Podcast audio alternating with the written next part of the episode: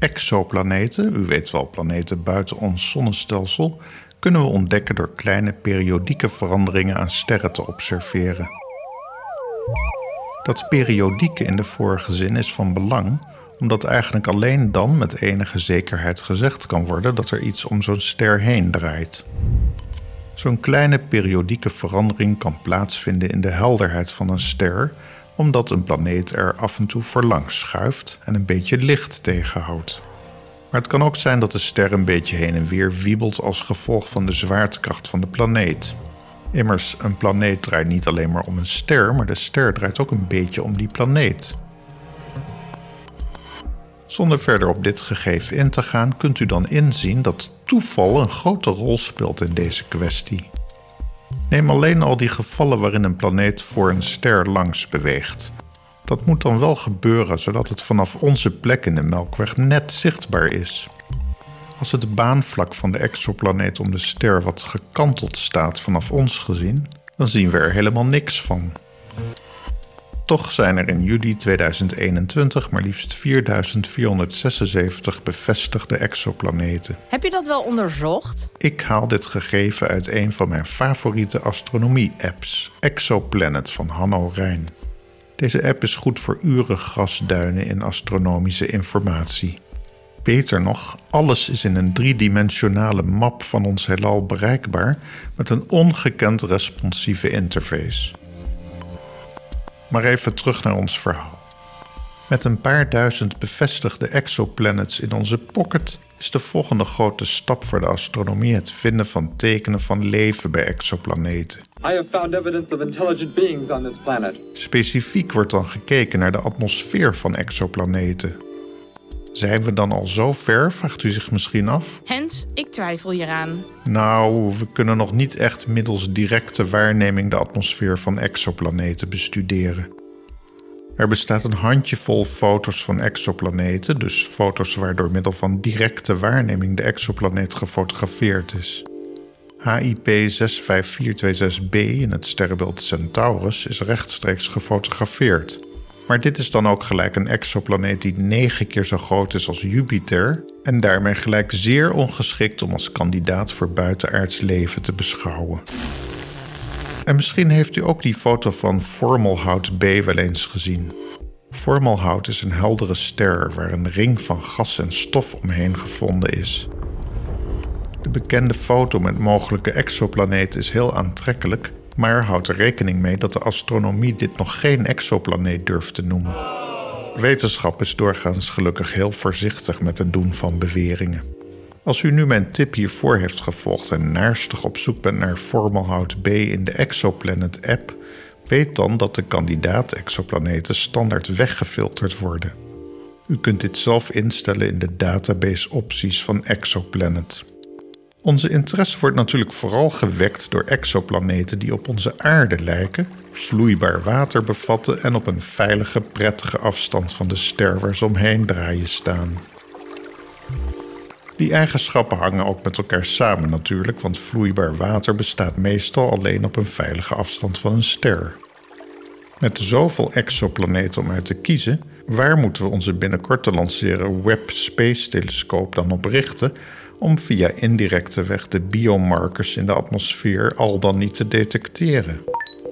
In een net gepubliceerd artikel van Kaltenegger en Faherty met de titel Past, Present and Future Stars That Can See Earth as a Transiting Exoplanet draaien de auteurs de vraag om. Mocht bij de op welke exoplaneten zouden intelligente wezens in theorie in staat moeten zijn om onze radiostraling te hebben opgevangen en de aarde kunnen detecteren als exoplaneet die voor onze zon langs beweegt? Wat bijzonder. De wetenschappers beginnen met een grote lijst van 1715 sterren binnen een straal van 100 parsec van de aarde, waar wezens aardsleven zouden kunnen spotten sinds het begin van de menselijke beschaving en waar de sterren binnen de ETZ of Earth Transit Zone liggen.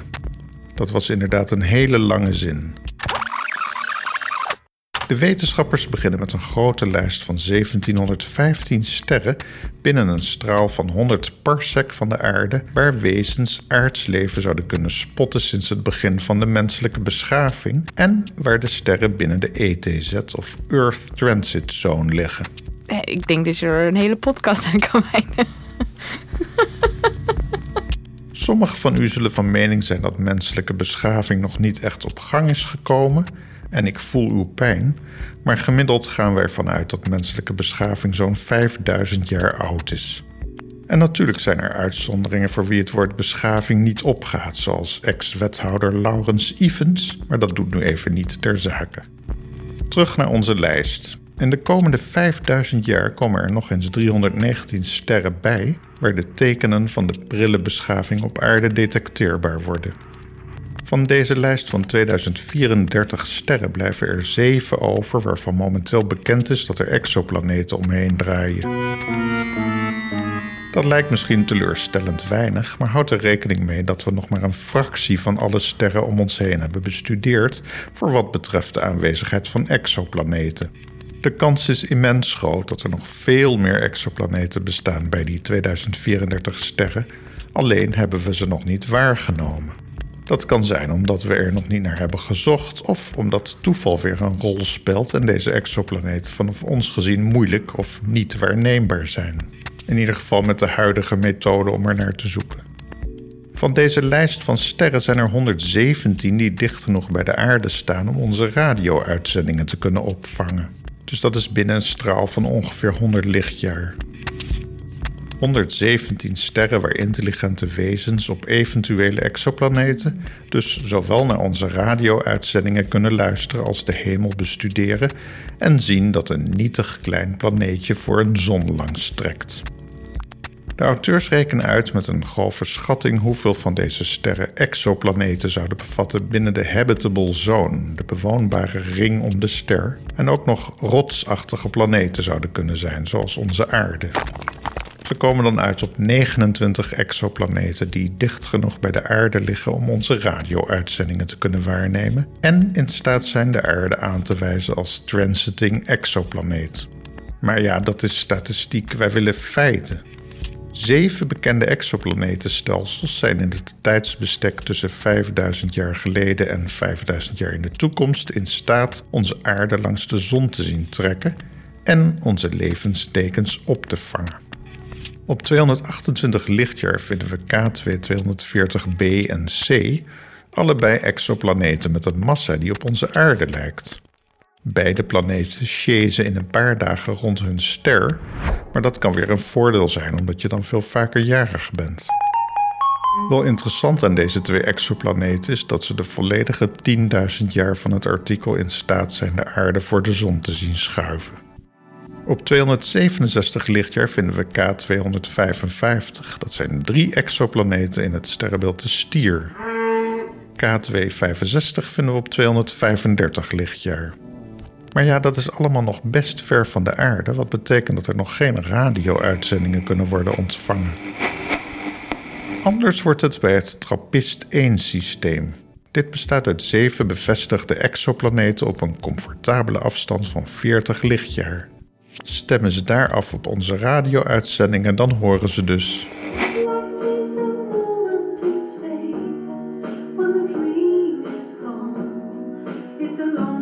Wat mij altijd doet denken aan dat klassefeestje in Eelde toen ik danste met Marloes. En Alleen moeten ze daar nog 1642 jaar wachten voordat de aarde voor het eerst voor de zon schuift.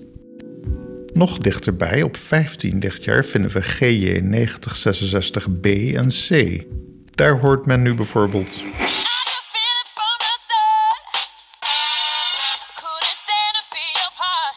Maar ook hier nog geen hint dat de aarde een exoplaneet is. Dat duurt nog 846 jaar.